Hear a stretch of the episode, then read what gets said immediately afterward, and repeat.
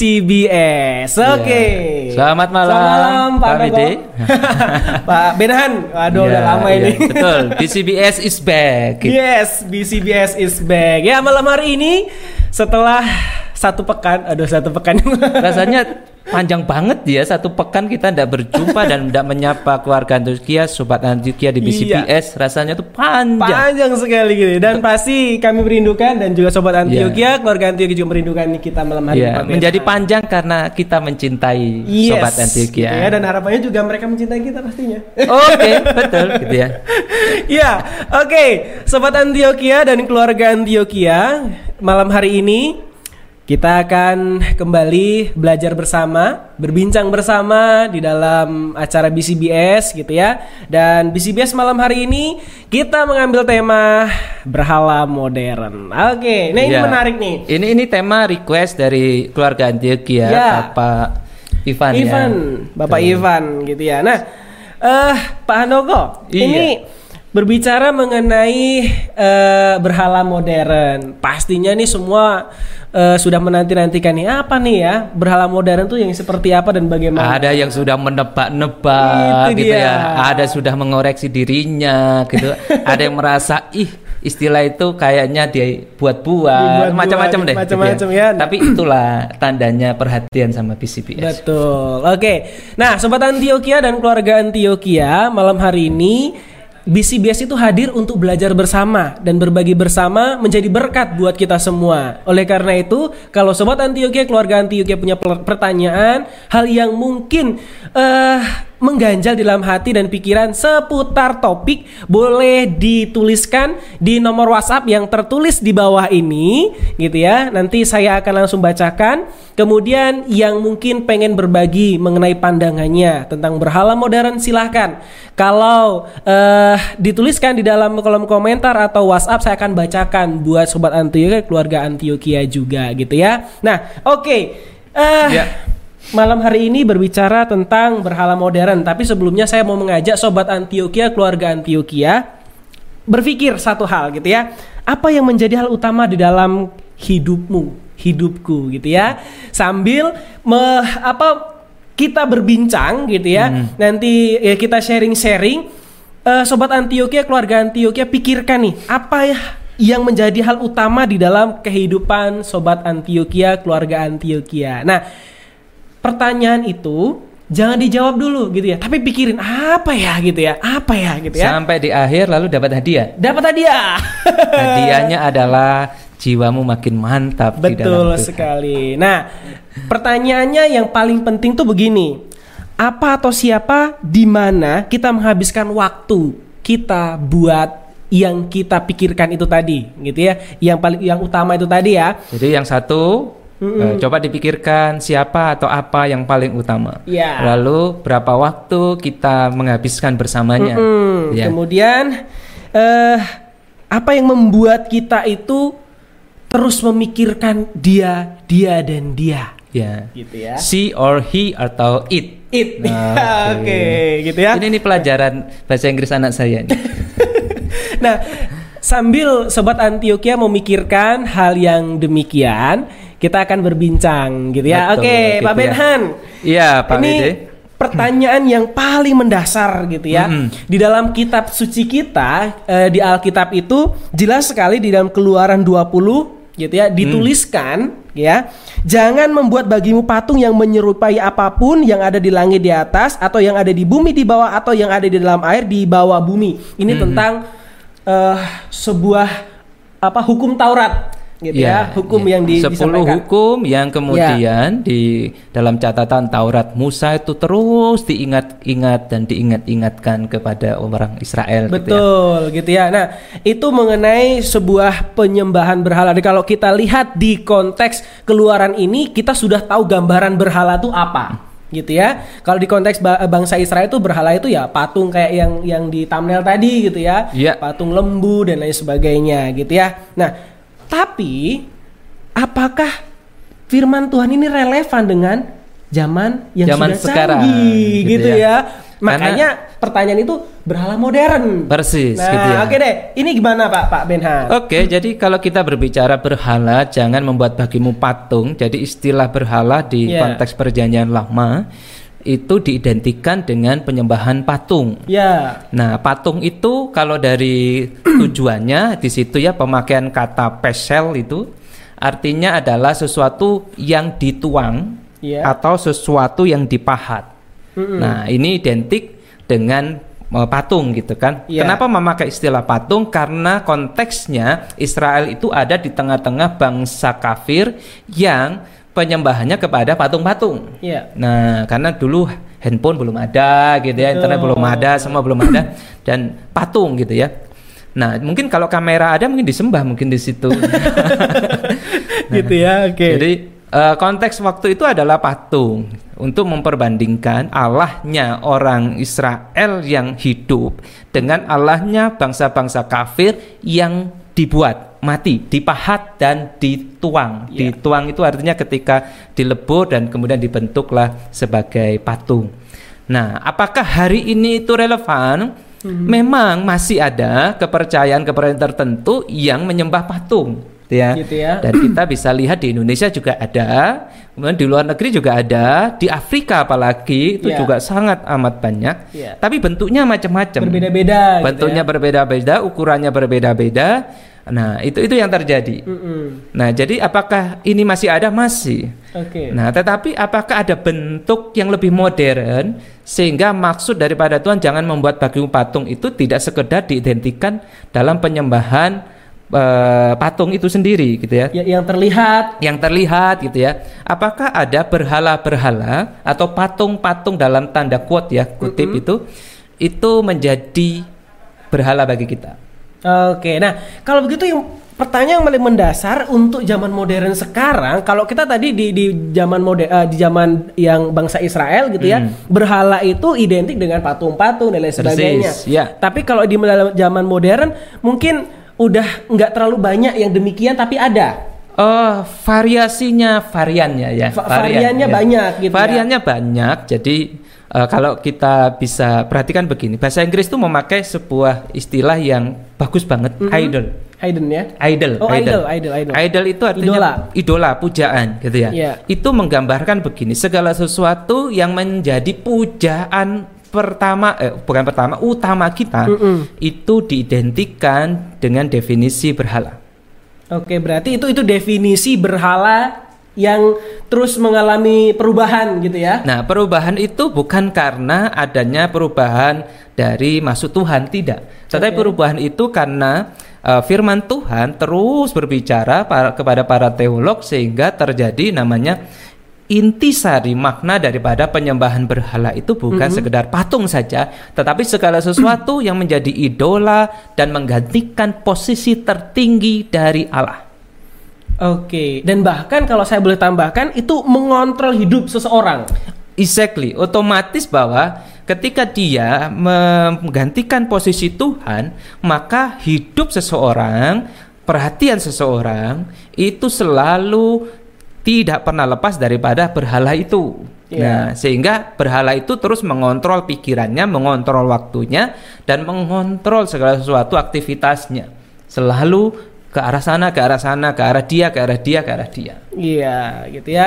Jadi pengertian dari berhala itu sendiri itu sesuatu hal yang diidolakan, sesuatu hal yang yang akhirnya mengontrol kehidupannya sehingga Tuhan itu di nomor dua kan kalau saya boleh Iya. gitu ya. di nomor 0,5 gitu ya atau nomor 2, nomor 3 pokoknya tidak 100% atau tidak nomor satu. Itu dia. Tuh. Nah, ada juga eh, Timothy Keller tuh juga bilang begini, Pak Benhana. Saya Hmm. sempat cari gitu ya di dalam bukunya ala-ala palsu. Dia mendefinisikan eh, berhala itu sendiri. Se- eh, berhala itu sebagai segala sesuatu yang begitu penting dan esensial dalam hidupnya. Ketika dirinya kehilangan hal penting tersebut, hidup terasa tidak layak dihidupi lagi. Jadi mengontrol hidupnya sendiri dan bahkan kalau kehilangan apa yang dia pikirkan, apa yang dia anggap penting itu dia rasanya kehilangan sebuah esensi dan itu bukan Tuhan.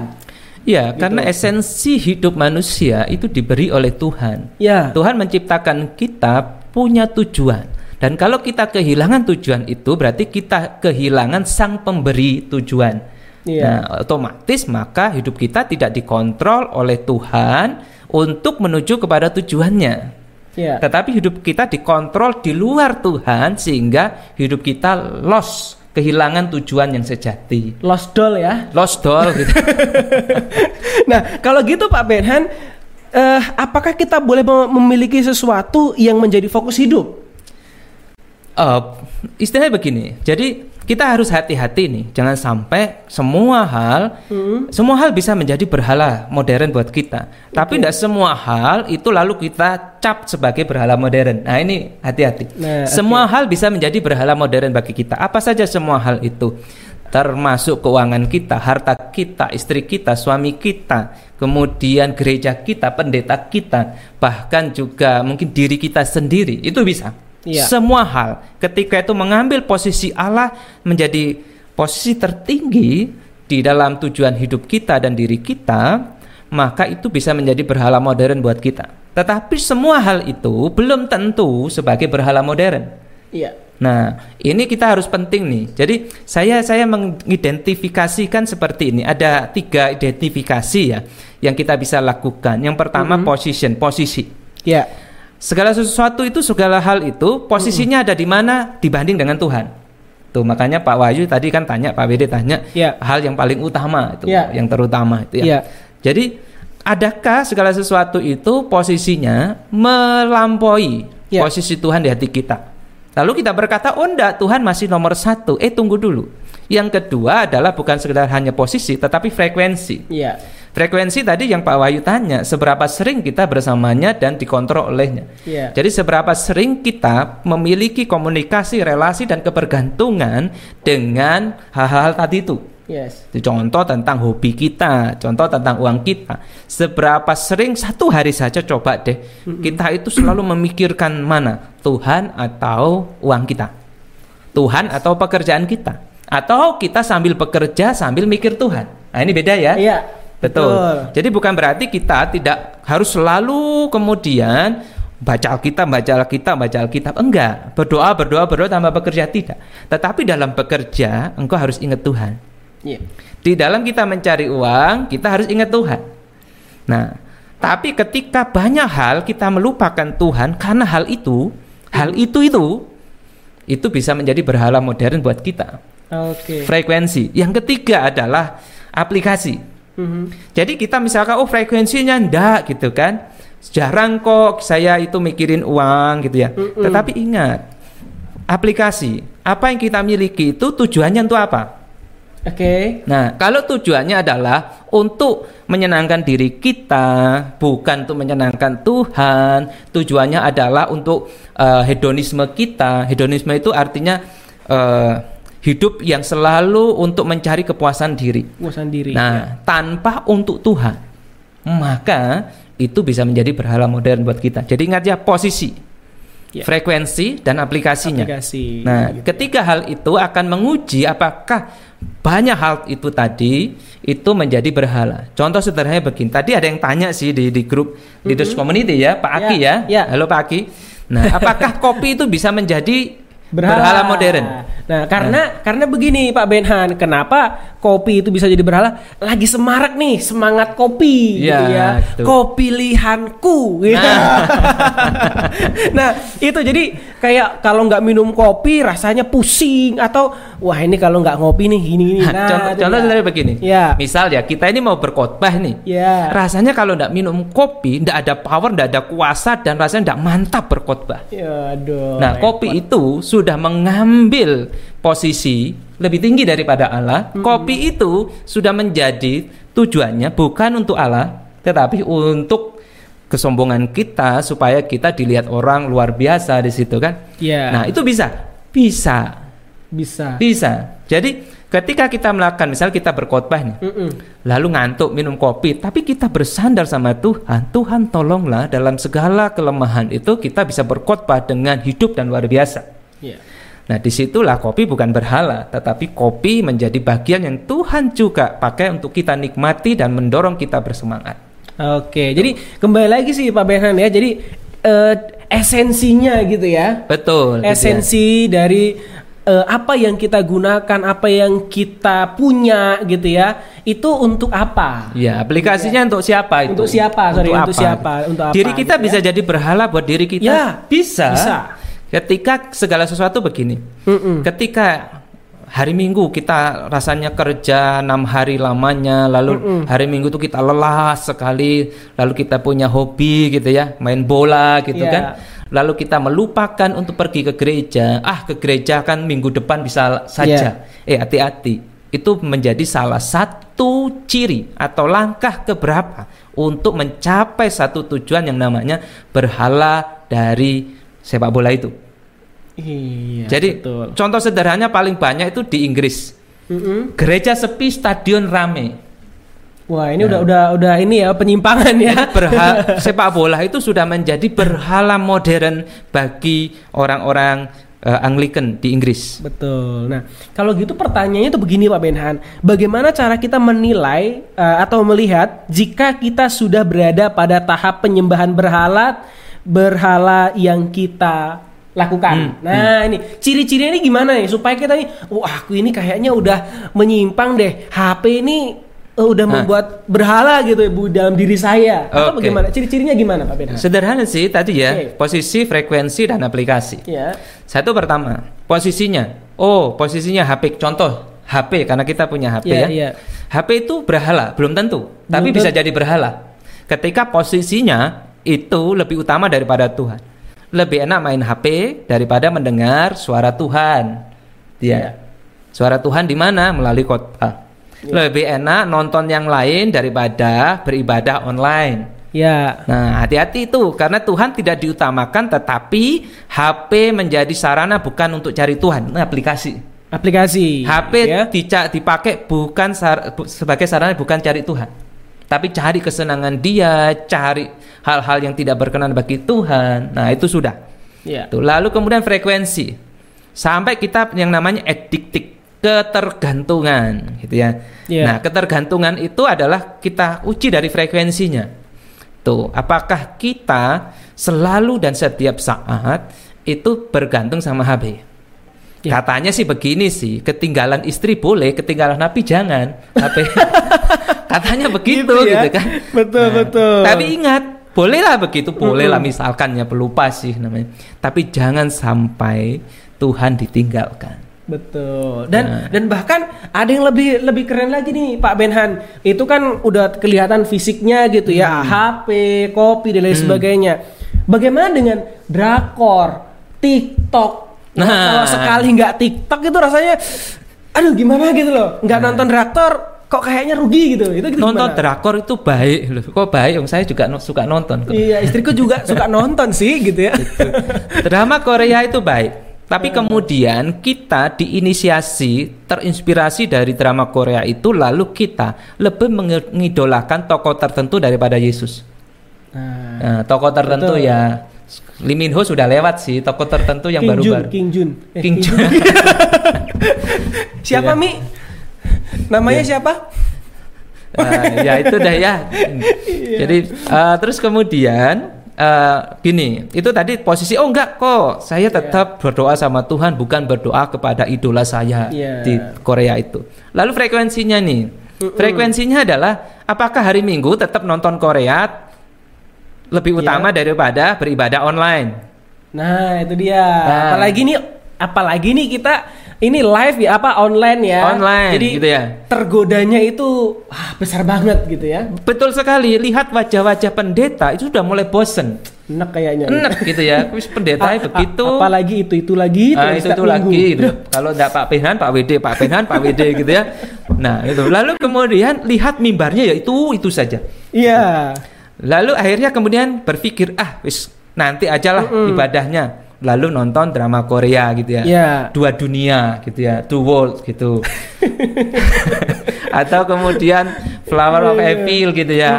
Kok tahu ya saya nonton juga sih gitu. Oke. Nah, tapi itu tidak menjadikan untuk saya mengalihkan bahwa ini waktunya yang terutama dan pertama adalah untuk Tuhan. Jadi setelah Tuhan first, baru kemudian bolehlah Korea Oke. nonton drama-drama gitu ya.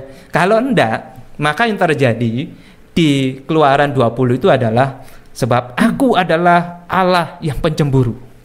Iya. Jadi betul. berhala modern bisa menjadikan Tuhan itu cemburu.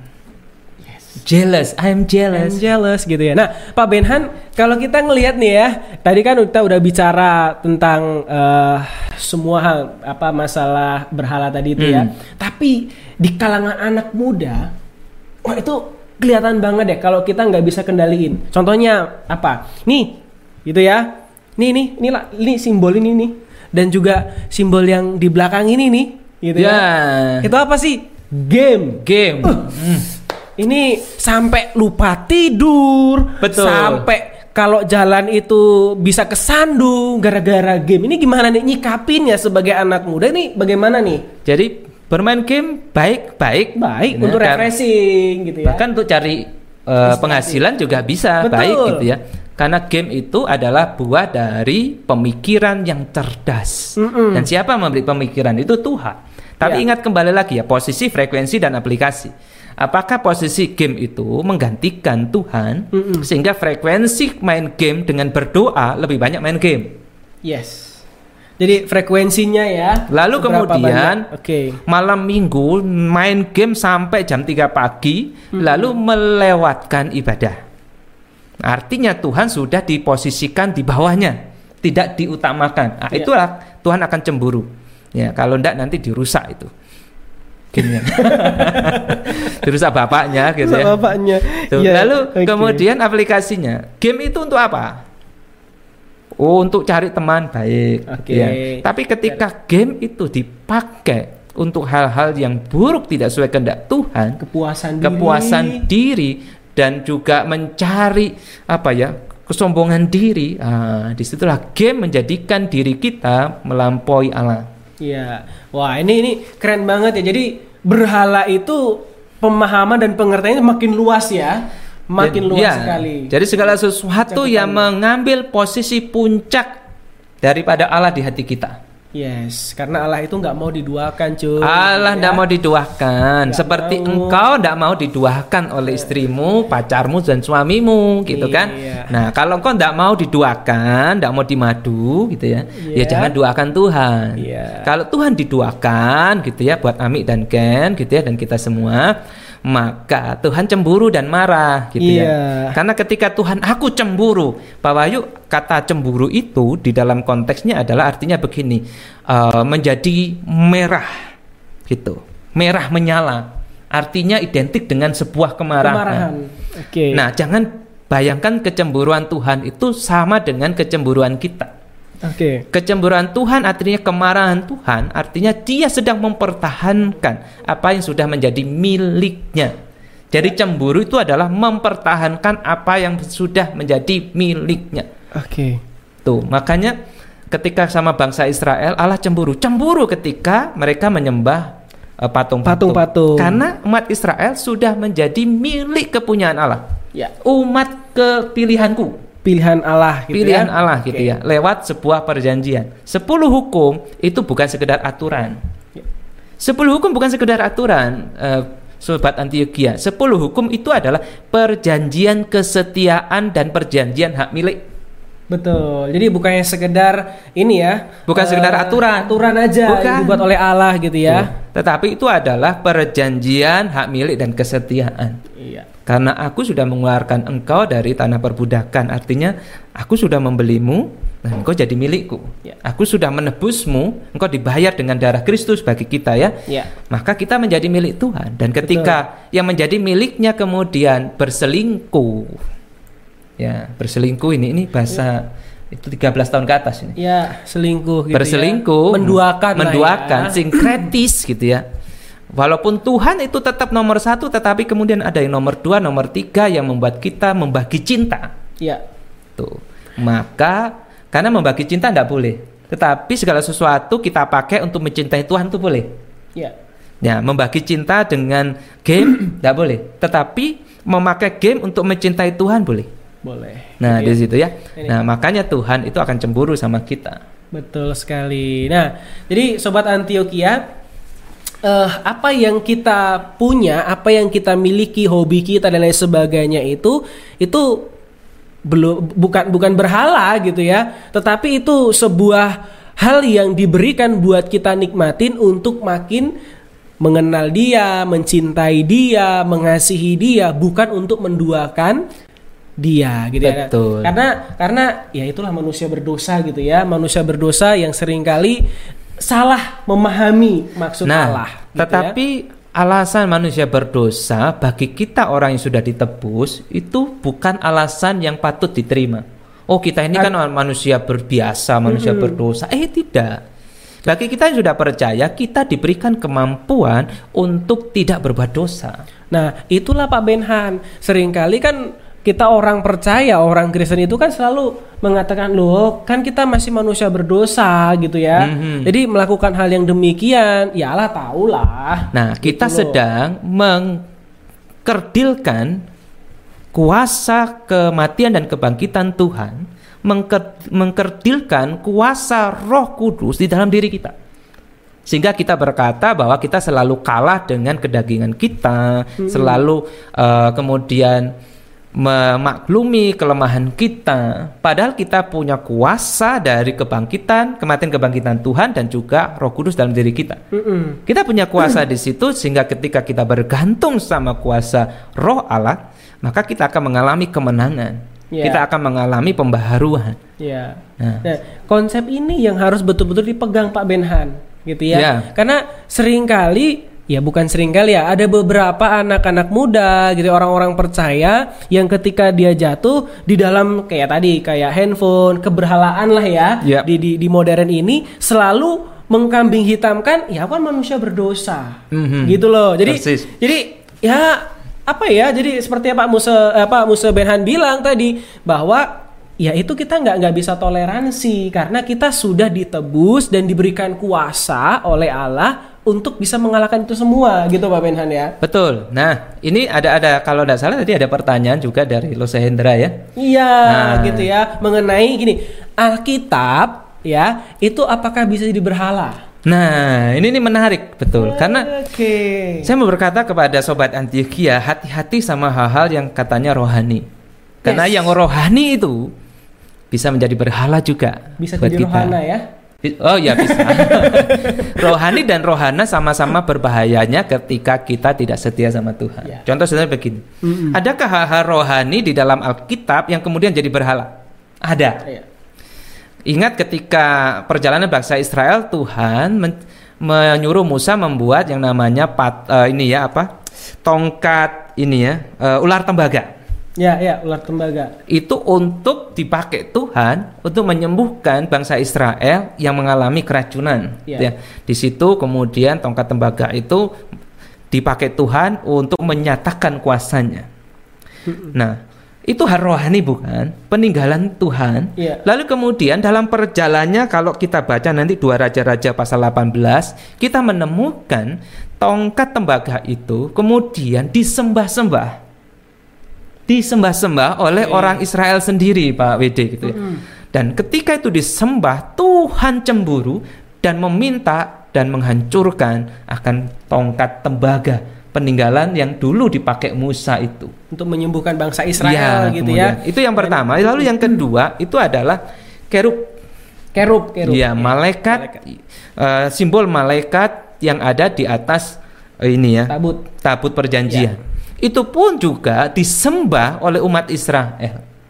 Itu disembah dan Tuhan tidak menginginkan itu. Mm-mm. Nah, jadi hal-hal rohani yang pernah dipakai Tuhan, yang pernah menjadi alat untuk memuliakan Tuhan, ketika diposisikan melampaui Tuhan, kita bergantung sama itu, itu bisa jadi berhala buat kita. Salib bisa jadi berhala, bisa. Bisa. Contoh sederhananya begini Pak Wahyu ya. Itu kalau tidak pakai kalung salib, tidak berdoa memegang salib, rasanya tidak ada kuasa. Itu Padahal salib itu simbol, simbol Ya. rohani yang mana yang lebih penting, salibnya atau makna di balik salib itu? Makna yang di balik salib itu Bukan yaitu salibnya Yesus Kristus. gitu ya. Alkitab bisa tidak jadi berhala? Otomatis bisa. Bisa, bisa. Ketika Alkitab itu, ya contoh sederhana begini, ini jangan ditiru ya. ya. Jadi dulu itu waktu saya kecil tuh ada yang namanya pakai eh, aji-ajian. Nah, oke.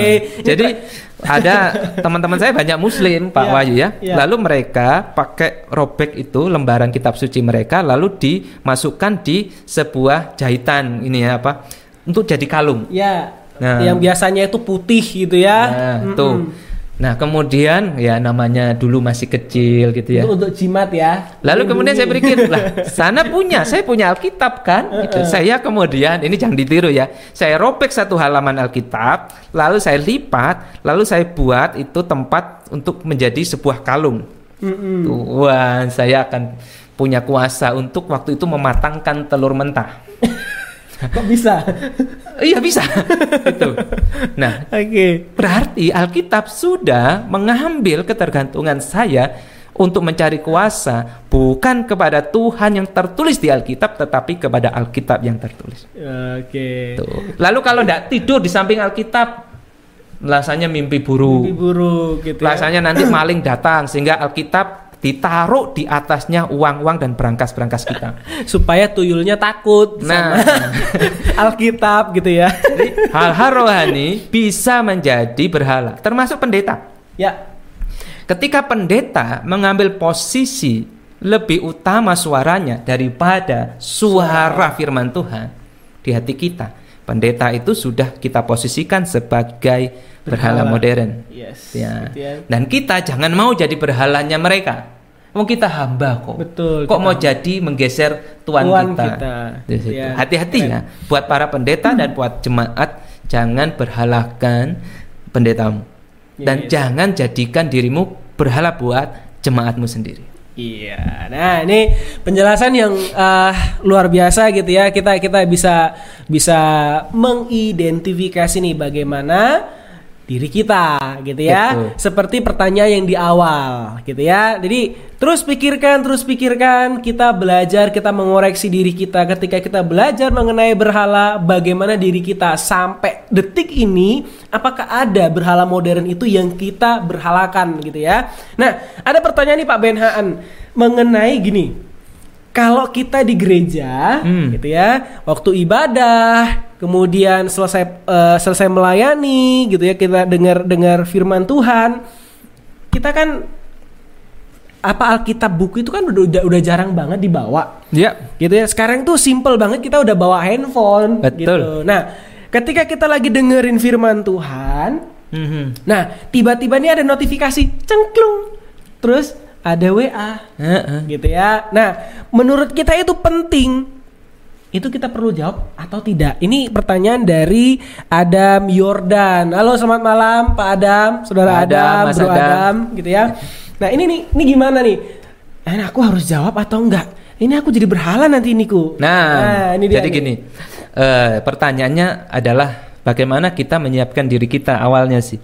Jadi kalau saya ibadah nih, gitu ya, ndak ndak semua orang kan seperti ini. Saya ibadah selalu saya akan matikan handphone saya, bukan matikan handphone, eh, saya bukan hanya silent, tetapi eh, paket data saya saya akan off kan Model pesawat ya. model pesawat. Ya. Jadi biarkan dia terbang ke mana. Karena prinsip saya begini, segala sesuatu itu tidak akan pernah lepas dari kendali dan kedaulatan Tuhan. Ya. Jadi apa pun yang terjadi, kita terlibat atau tidak terlibat di dalam suatu proses penting, Allah lebih tahu caranya dan Allah mengendalikan segala sesuatu. Ya. Nah, jadi saya tidak pernah berpikir bahwa saya adalah orang penting sehingga segala sesuatu itu di HP saya ada informasi harus segera jawab. Yes. Tuh. Gitu ya. Nah, jadi itu pentingnya. Nah. Lalu bagaimana kalau itu terjadi dengan keluarga kita? Ingat ya, kalau kita mendahulukan Tuhan, Tuhan akan memberikan limpahnya kasihnya kepada kita dan keluarga kita. Betul gitu Tuh. ya. Lalu bisa dijawab enggak? Misal nih kita tergoda, centing, opo yo, yayangku ini misalkan. Ya, aduh, Tuh, yayangku. ada gambar hati tulisnya yayangku. ini. Cekrek buka, tergoda misalnya tergoda. Oke. Langsung segera kembali. Langsung kembali. Oh enggak, nanti deh, seret gitu. Misalnya buka penting, doakan, jangan tutup terus langsung pergi. Ya, gitu Di ya. situ. Nah, kalau saya boleh tangkap dari penjelasan Pak Benhan mengenai hal ini gitu ya, yang terpenting itu adalah penyiapan diri kita untuk Tuhan, apalagi itu di hari Minggu, di Iya. ibadah gitu ya. Sama Pak Benhan saya juga ketika hari Minggu, saya itu selalu pakai mode pesawat, Betul. baik itu mau khotbah ataupun tidak, kecuali itu mau dipakai untuk controlling di ini Ya, ya, model itu, ini itu ya. berbeda, Mm-mm. gitu ya. Jadi saya selalu juga melakukan itu. Jadi ketika kita memang benar-benar nyiapin untuk Tuhan, segala sesuatunya untuk Tuhan, seperti Pak Benan bilang Hmm. bahwa Tuhan mengontrol segala sesuatu, pasti tidak akan memberikan kejadian yang aneh-aneh deh. Semisal begini ya, eh, pernah kejadian tuh penyanyi Don Moon, itu sempat saya bawakan di khotbah. Iya. Nah, ketika dia mau pelayanan, terbang ke suatu kota, lalu dia dapat Ya. kabar, Oke. kabar bahwa keponakannya mati, Mm-mm. kecelakaan. Apa yang harus dia lakukan? Apakah dia harus membatalkan pelayanannya, lalu menuju kepada eh, ini keluarga keponakannya ini? Enggak. Dia tetap melanjutkan perjalanannya. Selama perjalanan dia berdoa, kiranya Tuhan melindungi keluarganya, melindungi akan semua orang yang ditinggalkan, dan dia tetap pelayanan. Dan Ya. ketika dia tetap pelayanan, dia mendapatkan kabar ketika dia sampai waktu yang mepet, akhirnya bisa ke tempat pemakaman. Dia dapat kabar bahwa seluruh keluarganya merasa bersyukur terhadap apa yang terjadi. Papa mama dari kepona dari ponanya ini berkata bahwa Tuhan sudah menyelamatkan dia dan kematiannya telah mengubah banyak anak-anak muda teman-temannya ini Iya. untuk percaya Tuhan dan itu menjadi kesaksian luar biasa dan itu menginspirasi Don Moon me- Oke. menciptakan sebuah lagu dia buka jalan gitu ya. Saat tiada jalan. Eh, itu Iya. keren banget sih Dan itu lagunya. Itu luar biasa dan memberkati sampai hari ini ribuan jutaan orang. Bayangkan, ketika Tuhan diutamakan, segala sesuatu yang terlihat buruk oleh kita diubahnya menjadi berkat bagi banyak orang. Yes, gitu ya. Jadi jadi keren banget sih. Jadi eh apa yang kita lakukan ketika kita mengutamakan Tuhan, Tuhan pun punya rencana yang baik buat kita gitu ya. Mhm. Jadi mungkin bagi kita itu suatu hal yang apa ya eh, sulit untuk kita terima tapi yakin bahwa Tuhan punya rencana yang lebih baik daripada itu semua gitu ya. Nah oke. Nah oke. Eh, Pak Benan ini ada waduh ini keren banget nih pertanyaan eh, bukan pertanyaan sih. Iya pertanyaan sih tapi khusus buat Pak Benhan. Oke ya. Dari Yustiana Ana gitu ya. Pak Benhan apakah lagi nggak enak badan Kok tahu ya? Iya, jadi Pak Benhan lagi nggak enak badan, tapi hari ini bisa bersama dengan kita. ya, dua hari ini ada gangguan pencernaan, lalu Yes. kemudian inilah ya. eh, kemudian naik ke atas menjadi migrain gitu ya. Migrain gitu ya. Tapi Ya. bisa menyapa sobat Antioquia itu adalah kesukaan tersendiri. Yes, gitu ya. Itulah ya. Oke. jadi eh ada juga pertanyaan nih Pak Benhan. Ya, Oke, jadi kita kebanjiran pertanyaan, kebanjiran pertanyaan. Ada salah satu anak muda kita, dia bertanya begini Pak Benhan. Oke, saya coba ini ya. ya. Ada yang bilang kalau kerja juga salah satu bentuk pelayanan. Apakah mindset ini benar? Tanpa perlu pelayanan di gereja, apakah hanya dengan pekerjaan kita saja kita sudah melayani Tuhan? Jadi, apakah mereka yang punya pikiran seperti ini juga dianggap berhala pada pekerjaannya? Nah, jadi ingat saya ingat Oke. satu ayat yang jadi favorit. Ini Oke. favoritnya eh, Bapak Yance Tatuo ya, karena ini skripsinya. Ya. Eh, kalau setiga 23, segala sesuatu yang kamu kerjakan kerjakanlah seperti untuk Tuhan. Ya. Segala sesuatu itu terkait masalah pekerjaan juga di Kolose pasal 3 itu. Iya, iya. Jadi begini. Ketika kita bekerja, ingat ya yang tadi namanya aplikasi ya. Ya, aplikasi. Untuk apa kita bekerja? Untuk kekayaan kita atau ketika kita bekerja pertama begini, bersyukur karena kita bisa bekerja. Artinya kita melihat pekerjaan itu pemberian Tuhan. Ya. Lalu kemudian bersyukur kita mendapatkan hasil lalu kemudian kita memberikan persepuluhan. Artinya bahwa uang yang kita dapat dari pekerjaan itu untuk Tuhan. Ya. Gitu. Lalu bersyukur karena dengan uang kita itu kita bisa menyekolahkan anak kita, kita bahkan bisa kalau kita mandiri ya belum menikah, kita bisa menabung dan kita lakukan itu. Lalu berikutnya, semua hal itu kemudian kita lakuin dengan sukacita. Ya. Lalu selalu kita membawa diri kita dalam pekerjaan yang jujur karena kita tahu mata Tuhan ada di segala tempat untuk melihat apa yang kita kerjakan. Ya. Kalau kita bekerja jujur, setia, lalu kita tahu bahwa Tuhan mengendakinya, Tuhan mengendakinya bukan karena takut sama bos loh ya. Ya. Tuhan mengendakinya itu memuliakan Tuhan. Tapi eh tunggu dulu. Ketika itu semua kita lakukan, lalu orang-orang orang ini kemudian berkata, aku minggu juga kerja, Ya. jadi aku juga tidak bisa ke gereja. Nah, ketika itu menjadi alasan, apa yang kita lakukan di hari-hari itu Senin sampai eh, Sabtu itu hangus dengan sebuah pernyataan bahwa minggu aku juga kerja buat Tuhan. Hangus. Karena ada aplikasi ketika Tuhan menyuruh kita kuduskanlah hariku, Hari hari, Sabat, Sabat. Kita ya. tidak lakukan itu, maka kita sedang menyingkirkan kehendak Tuhan dengan alasan-alasan rohani. Yes. Alasan rohani nih. rohani gitu ya. Oh, kerja juga untuk Tuhan kok. Mm-mm. Jadi Betul. kalau orang kerja untuk Tuhan, hari Minggu dia pakai untuk Tuhan, bukan untuk bekerja. Betul. Gitu. Dan itu juga ada ada sedikit kesaksian sih dari keluarga saya nih Pak Benhan. Mm-mm. Eh, mereka hampir sama juga dengan statement yang disampaikan oleh ini anak pemuda kita Lala. Oke, Gitu Lala Thank keren. you buat buat pertanyaannya. Eh, keluarga saya tuh begitu Pak Benhan. Waduh, mama saya dulu, Hmm. papa saya dulu kerjanya minta ampun deh gitu ya. Bener-bener pejuang keras untuk bekerja. Sampai-sampai hari Minggu juga untuk bekerja sampai-sampai ibadah itu aduh sek lah gitu ya Tuhan pasti ngerti kok Tuhan tahu kok gitu ya tapi tahukah Bapak Ibu Saudara atau sobat Antioquia 2012 Tuhan kasih bangkrut beneran Hmm. karena apa karena ibadah di nomor dua kan Tuhan di nomor dua kan dan akhirnya sekarang mereka mulai pulih mereka mulai tahu apa yang mereka lakukan itu sebenarnya salah. Mhm. gitu. Jadi mungkin hanya satu dari sekian banyak orang percaya gitu ya. Dan akhirnya kita pun harus tahu bahwa jangan sampai kita memakai alasan rohani untuk sebuah pernyataan bahwa aku juga melayani untuk Tuhan tapi kita- Tuhan juga ada di tempat kerja. Wah, itu dia Tuhan kerja gitu ya Tuhan Oke. ada juga di tempat tidur gitu. bener Tuhan di mana-mana sih memang gitu, ya Gitu. Tapi Tapi- Tuhan menghendakimu untuk bersama umat percaya menyembah dengan Yes. sorak-sorai. karena berbeda maknanya Betul Ya. sekali. Nah, oke.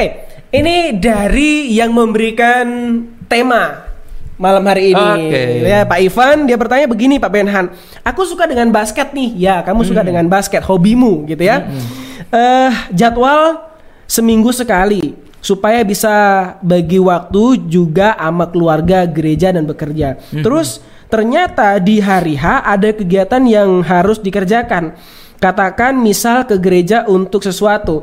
Saya pilih untuk tetap basket. Apa itu sudah masuk saya memberhalakan basket? Oke, jadi begini ya. Pertama gini, eh, frekuensi itu kita bisa atur ulang gitu ya. Ya. Terus kemudian posisi, posisi Ya. begini. Ketika kita lihat mana yang lebih urgent, Mm-mm. kehadiran kita di gereja sama di basket. Kalau kehadiran kita di gereja itu bisa digantikan, Ya. gitu ya, itu menjadi pilihan yang rasional. Ya. Tapi kalau kegiatan kita di basket tanpa diri kita pun tidak jadi persoalan karena bukan sebuah pertandingan atau bukan sebuah hidup mati gitu ya. Yes. Maka tidak menjadi persoalan untuk kita tinggalkan sana dan melihat Tuhan memanggil kita untuk pekerjaannya. Iya, berarti di frekuensinya ya diatur ulang Iya, ya. frekuensi diatur ulang atau janjian deh, bisa ndak diganti nih. Contoh sederhana nih, misalnya Pak Ivan ya, Ya. dari semua alternatif latihan band, Mm-mm. ternyata hanya hari, misalnya hari Rabu semua Oke. bisa atau hari Jumat semua bisa. Mm-mm. Dan Pak Ivan ini punya posisi penting. Kalau Iya. dia tidak datang, gitu Iya. ya, tidak jadi latihan. Dia drummer kita kan Yes. di situ. Lalu kemudian basketnya ini sekedar latihan rutin biasa gitu ya.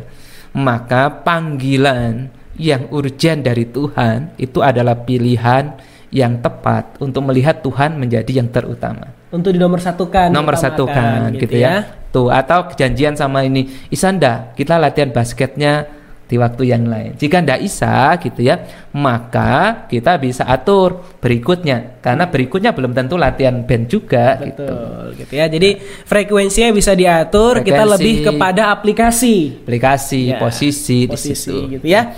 Oke deh. Nah, Pak Benhan ini Tapi kalau bisa digantikan misalnya di gereja ya hanya sekedar gitu ya. Di gereja itu untuk mengambil barang tertentu. Iya. Itu bisa ditunda ya tunda saja gitu kan. Jangan hanya kita menjadikan alasan gereja. "Ah, Aku ke gereja kok. Aku cinta Tuhan, cinta gereja. Lalu kita tidak sosialisasi gitu Iya. ya. Terhadap teman-teman kita itu salah juga. salah sih. juga gitu ya. Makanya eh ya kita lihat nih eh apa tadi frekuensinya, Frekuensi, kepentingannya gitu ya. seperti apa begitu ya. Oke deh. Nah, oke Pak Benhan, kita sapa dulu nih ada Lose Yoel gitu ya. Ada Bro Oke. Yoel, ada Bro Yudi yang bersama dengan kita gitu ya. Ini nih hamba-hamba Tuhan muda GKT yang luar biasa Yes, gitu punya ya. visi digitalisasi yang keren. Betul gitu ya. Dan ada juga ternyata nih Pak Benhan saya juga baru tahu nih.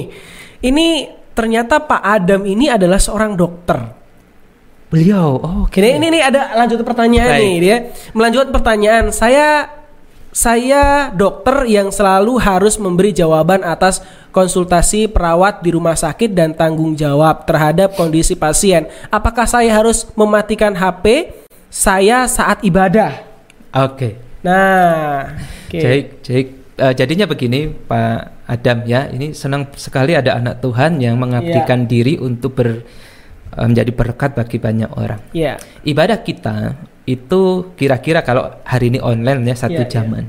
Mm-mm. Dalam satu jam itu, apakah Allah bisa bekerja melalui kita? Bisa. Apakah Allah bisa bekerja memberi hikmat bagi orang-orang di rumah sakit juga bisa. Iya. Jadi ketika kita memang set dari awal, ini bukan set mendadak ya. Iya. Kita sudah mengambil sebuah pola dari jam sekian sampai jam sekian. Semua orang tahu saya sedang ibadah, maka saya akan men-silent itu. Iya. Itu. Dan ketika itu terjadi, maka Allah yang bekerja. Jadi kita percaya begini, Pak Adam, saya juga belajar percaya. Saya belajar percaya bahwa tanpa Allah, apa pun yang saya kerjakan tidak akan berbuah Iya. baik dan manis. Tanpa Allah. Tapi bersama Allah, tanpa saya Allah bisa bekerja. Iya. Bersama Allah, tanpa saya Allah bisa bekerja. Tapi tanpa Allah, pekerjaan kita tidak akan jadi berkat yang luar biasa. Jadi satu jam itu kuduskanlah buat Tuhan. Maka ketika Tuhan dikuduskan, segala kekhawatiran itu Tuhan yang akan melakukan bagiannya. Yes. Kerjakan bagian kita, maka bagian Tuhan jangan tanya dan ragukan. Iya. Karena Tuhan juga punya bagiannya sendiri, kita punya bagian sendiri, dan mari kita kerjakan bagian kita masing-masing. Begitu Pak Ibrahim ya? Jadi setelah itu tapi begini, setelah itu jangan kemudian jadi alasan bahwa setelah ibadah kita langsung kemudian ah sudahlah tidak usah dikerjain apa Ya. yang menjadi panggilan. Segeralah kemudian misalnya Pak Adam itu Kristus satu jam itu setelah lewat Pak Adam langsung. langsung gitu ya. kehadiran Pak Adam setelah mengutamakan Tuhan itu akan memberkati pasien siapa pun dia. Ya. Betul sekali. Karena tangan, hati semua telah diberkati dalam ibadah. Yes. Gitu ya.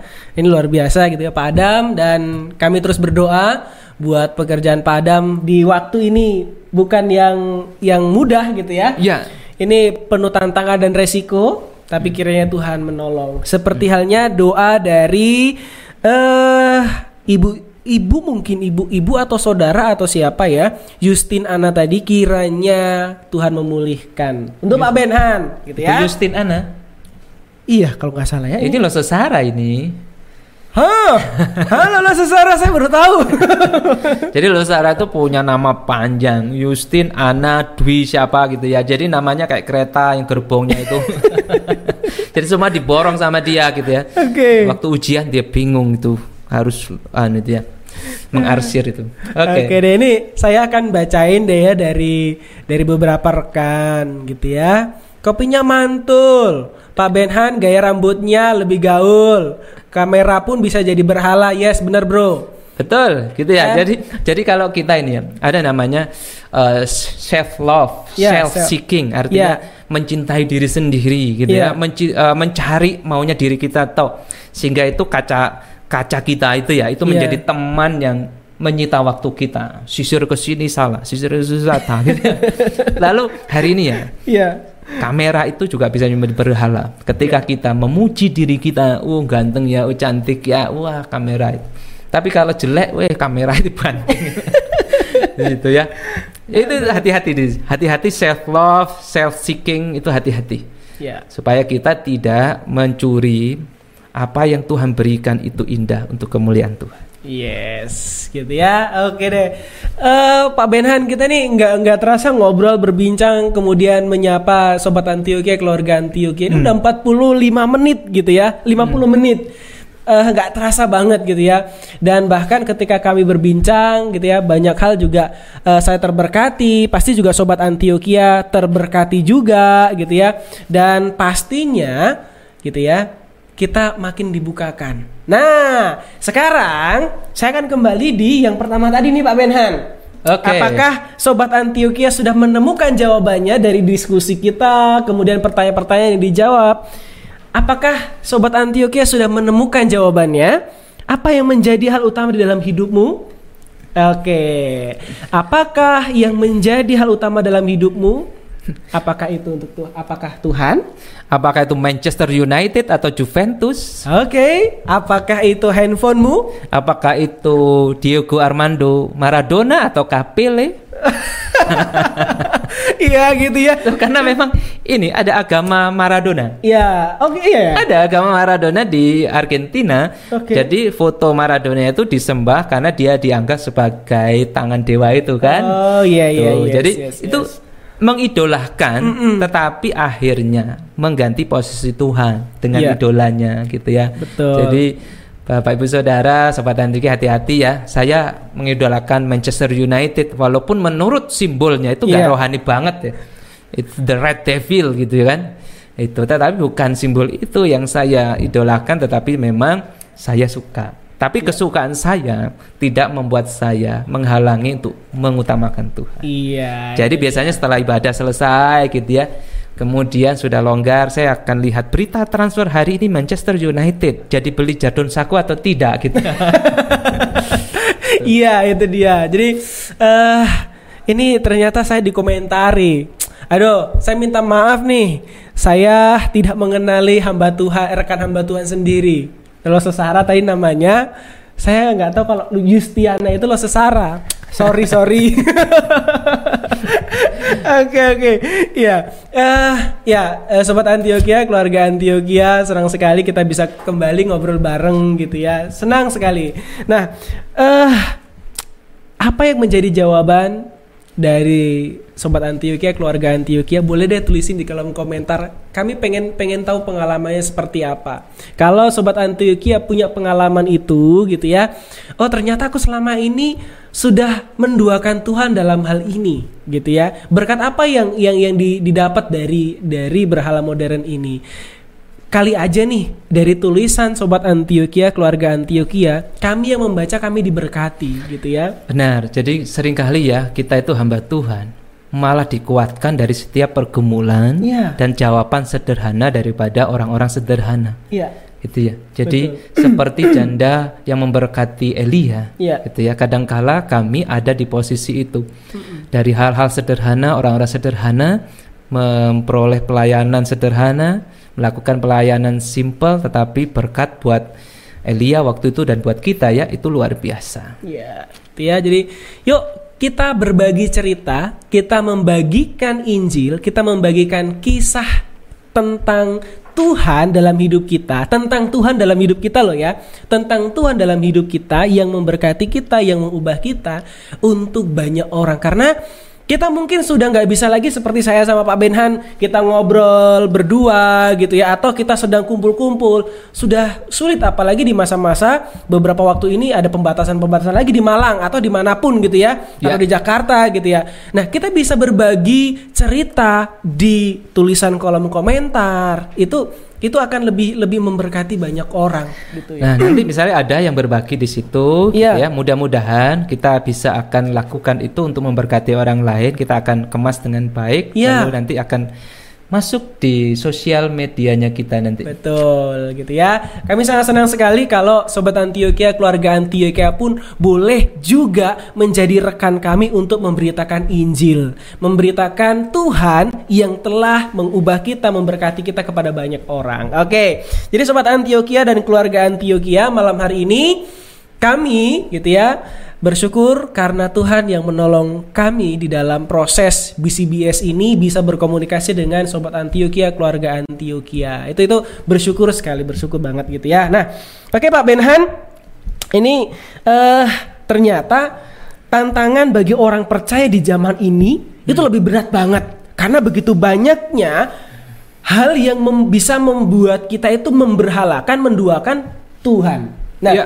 sekarang prinsip atau eh, ya sedikit bukan sedikit ya gimana caranya supaya kita ini benar-benar bisa mengutamakan Tuhan fokus kita hanya kepada Tuhan dan berhala-berhala modern gitu ya itu tidak membuat kita menjadi menduakan Tuhan gimana nih Pak? Oke, jadi Silakan.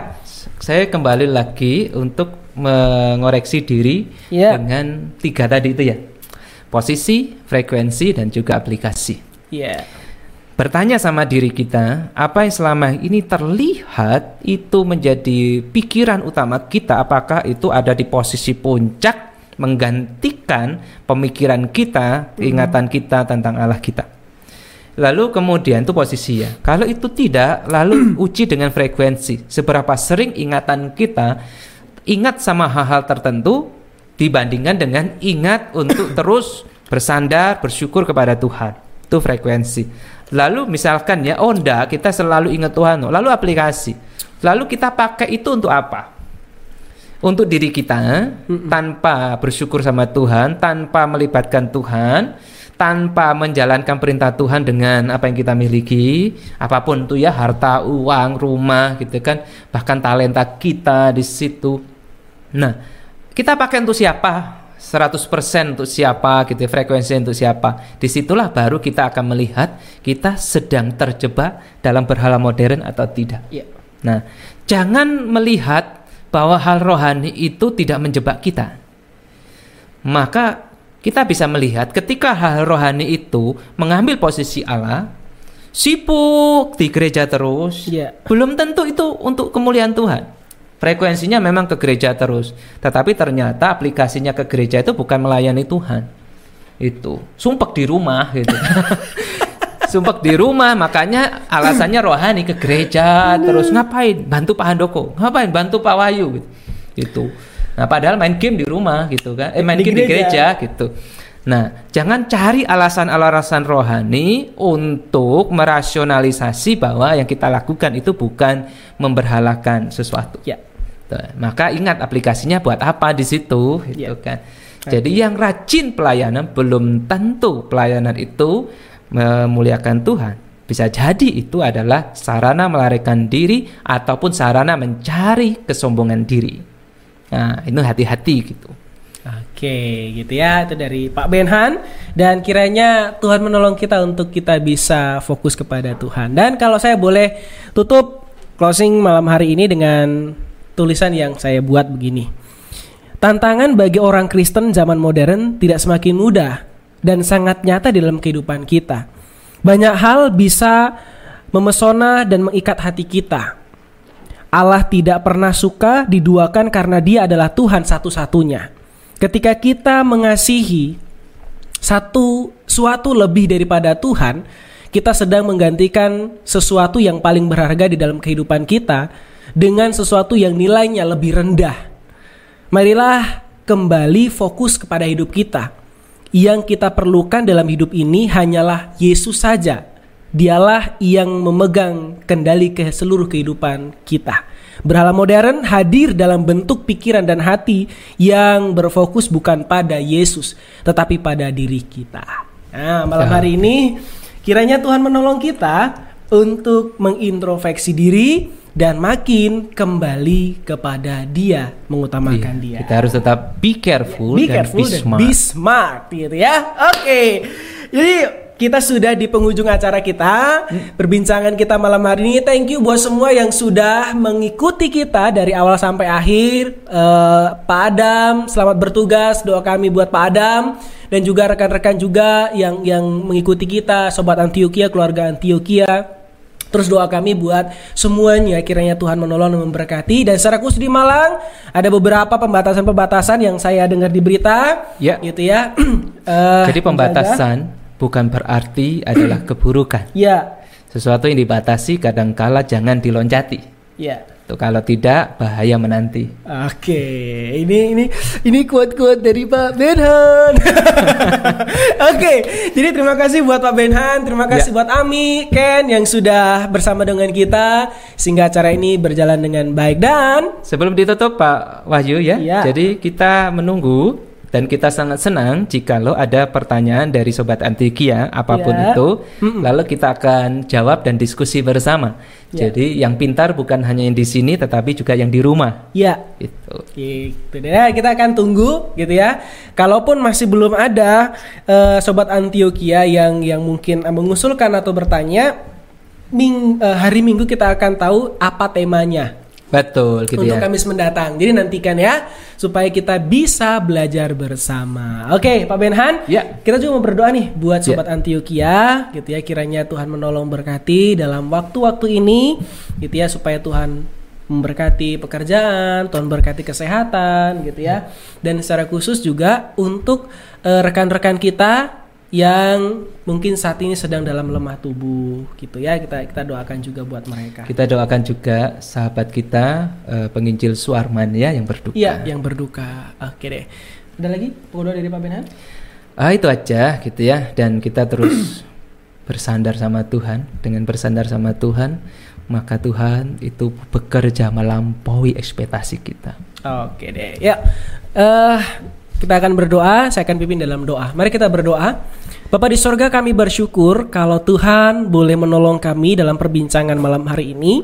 Kami sungguh diberkati dan membuka wawasan kami lagi, membuka hati dan pikiran kami lagi untuk mengerti apa yang sudah kami lakukan buat Tuhan dan kami lakukan itu benar atau salah.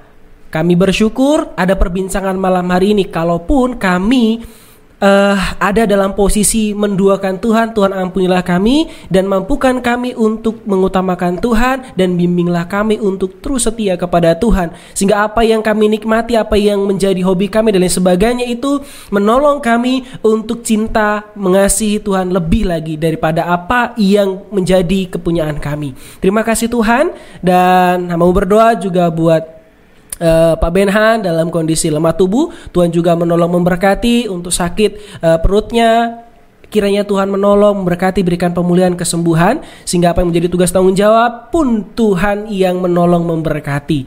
Tuhan berkati untuk eh, saudara kami, eh, sahabat kami, eh, Loso Swarman yang sedang berduka. Kami berdoa bila kiranya Tuhan memberkati untuk keluarga yang ditinggalkan diberikan ke- diberikan penghiburan, kekuatan sehingga sungguh Tuhan mereka dimampukan untuk boleh senantiasa memiliki damai sejahtera yang daripada Tuhan.